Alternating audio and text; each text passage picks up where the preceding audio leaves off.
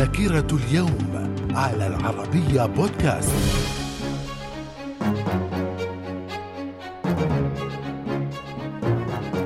حدث في مثل هذا اليوم الرابع عشر من شهر يوليو عام 1789 سقوط سجن الباستيل في فرنسا ويعد من أهم أحداث الثورة الفرنسية. من الذاكرة. وفي عام 1937 التوقيع على معاهدة الحدود المشتركة بين العراق وإيران. من الذاكرة. وفي عام 1958 انقلاب عسكري في العراق يطيح بالنظام الملكي ومقتل الملك فيصل الثاني وأفراد أسرته. من الذاكرة. وفي عام 1963 القوات الإسرائيلية تشن هجوما على الحدود الأردنية بعد سلسلة من العمليات العسكرية نفذتها المقاومة الفلسطينية انطلاقا من الأراضي الأردنية. من الذاكرة. وفي عام 2007 محادثات بين الأفرقاء اللبنانيين بمستوى الصف الثاني بمشاركة من ممثلين المجتمع المدني تعقد في سان كلو بفرنسا وذلك لحل الخلافات بين السياسيين اللبنانيين برعاية فرنسية رسمية ممثلة بوزير الخارجية برنار كوشنار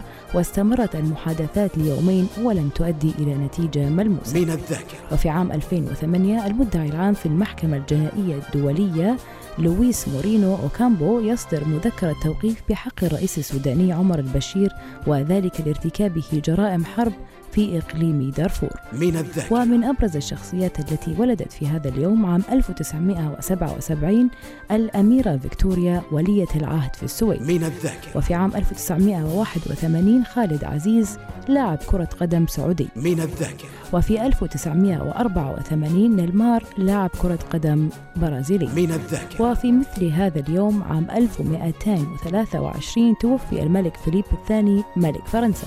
من الذاكرة. وفي عام 1944 توفيت المغنية السورية أسمهان من الذاكرة. أما الأعياد والمناسبات ففي الرابع عشر من يوليو يعتبر اليوم الوطني في فرنسا والاحتفال بسقوط سجن الباستيل رمز الظلم أثناء العهد الملكي والقيام باستعراض 14 يوليو العسكري وأيضا عيد الجمهورية في العراق. من الذاكرة. مستمعينا الكرام كانت معكم ندى التويتر.